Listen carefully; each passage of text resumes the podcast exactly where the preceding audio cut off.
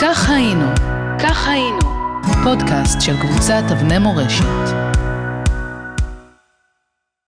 שלום לכם, כאן שוב אמיר שושני עם סיפור מספר 129 בסדרה כך היינו. והפעם, קבלו סיפור מרתק על האיש ששיחק נגד הכללים וניצח. בני תל אביב, זקנים וצעירים כאחד, עקבו בסקרנות רבה אחר התקדמות הטקס. זה מספר חודשים, מבטיחים להם שיותקנו בעירם מנורות רחוב, שכל אחת תאיר כמו מאה נרות. אף אחד מהם לא הציב כמובן מאה נרות זה לצד זה, על מנת לקבל מושג מהי כמות האור המובטחת, אך על כל פנים הם התייחסו להבטחה בפקפוק מסוים. אחרי הכל, את ההבטחה הזו לא פיזר איזה גורם שניתן לסמוך עליו, כמו נניח אה, המשרד הארץ-ישראלי הכל יכול, או לפחות הקרן הקיימת לישראל. אפילו ההסתדרות הציונית סחרה את פיה. ושמועות ילכו בעיר על כך שלא בכדי שותקים כולם. את ההבטחה פיזר בביטחון רב, ומופרז, על פי השמועות, איזה פיוטר אחד. פיוטר רוטנברג. מראהו רוסי, מפחיד משהו, בדיוק כמו שעולה כרגע בדמיונכם, גוף מוצק, עורף עבה, עיניים יוקדות, חמוש במשקפיים, מדבר מעט, אבל איכשהו המילים תמיד יוצאות מפיו בקול נמוך ומאיים. לא אחד שהייתם רוצים לפגוש בפינת רחוב חשוכה. ואם תוסיפו לכך את העובדה שאקדח היה מבצבץ בדרך כלל מתחת למקטורנו, אז בכלל. הקהל שמר אפוא על מרחק ביטחון. רוטנברג לא התרגש מהספקנים. בצעד בוטח הוא ניגש לשנאי בפינת הרחובות נחלת בנימין ואלנבי, והקהל עצר את נשימתו. רוטנברג לחץ על כפתור, ושש מנורות האירו באור גדול את שני הרחובות.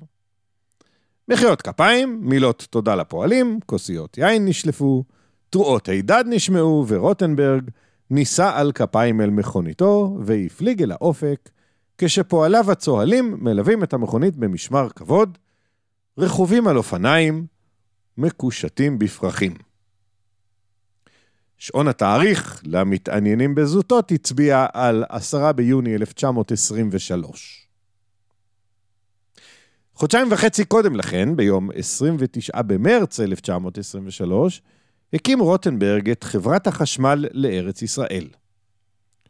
הוא מאוד רצה שהחברה תוקם במימונה של ההסתדרות הציונית. אך למרבה הצער, חיים ויצמן פשוט לא אהב אותו, את רוטנברג.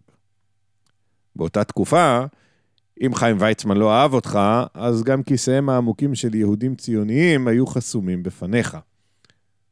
כך נאלץ רוטנברג לכתת רגליו בכל העולם, עד שהצליח לעניין שני יהודים, אחד אה, רופוס דניאל אייזקס, שאחז באותה עת בתואר הרוזן מרידינג, כן כן, תחנת רידינג, איך שקוראים לה היום, נקראת על שמו.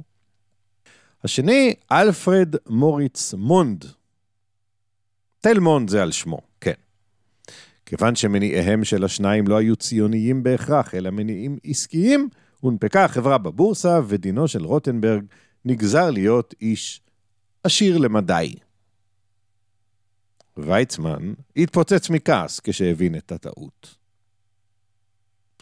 אתם שואלים מדוע ויצמן לא אהב את רוטנברג? שאלה מצוינת.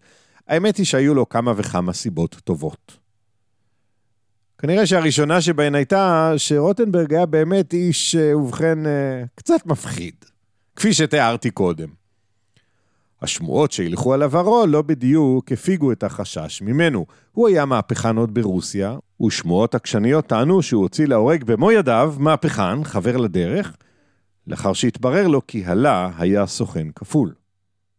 רוטנברג עצמו, משום מה, מעולם לא אישר או הכחיש את השמועה.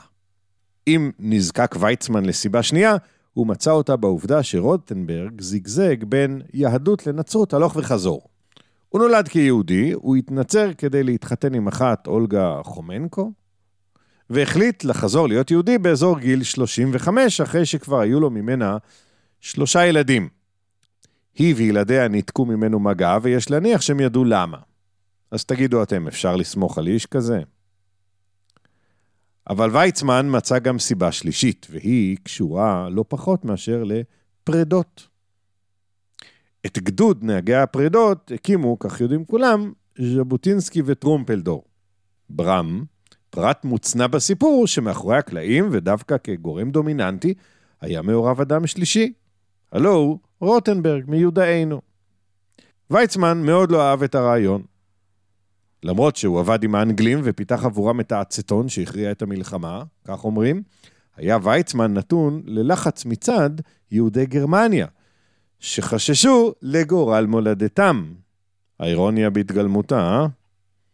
הקמת יחידה יהודית שתילחם עם האנגלים בגלוי כנגד גרמניה לא באה בחשבון מבחינתו. את רוטנברג כל זה כמובן עניין כקליפת השום, והוא דחף להקמת גדוד גם כשז'בוטינסקי עצמו התנגד. ויצמן יכול היה אפוא לסמן לו עוד נקודת חובה ליד שמו של רוטנברג. טוב, המלחמה הסתיימה, וככל שהעמיקה ההיכרות של ויצמן עם רוטנברג, כך הוא אהב אותו פחות. רוטנברג היה אדם מאוד נחוש, פוליטיקה לא עניינה אותו, הוא לא ראה את עצמו כפוף לפוליטיקאים, והעיקר, הוא לא אהב שמתווכחים איתו. גם ויצמן לא אהב שמתווכחים איתו. יחסיהם התקדמו במהירות לכיוון של פיצוץ, ולא עבר זמן רב עד שהם החלו לאיים זה על זה בכתב. הוא נוקט שיטות שלמד באסכולה שאיננה שלנו, אני מוטרד מאוד ממה ששמעתי עליו באיטליה, כתב ויצמן על רוטנברג, כשהוא רומז לעברו הטרוריסטי.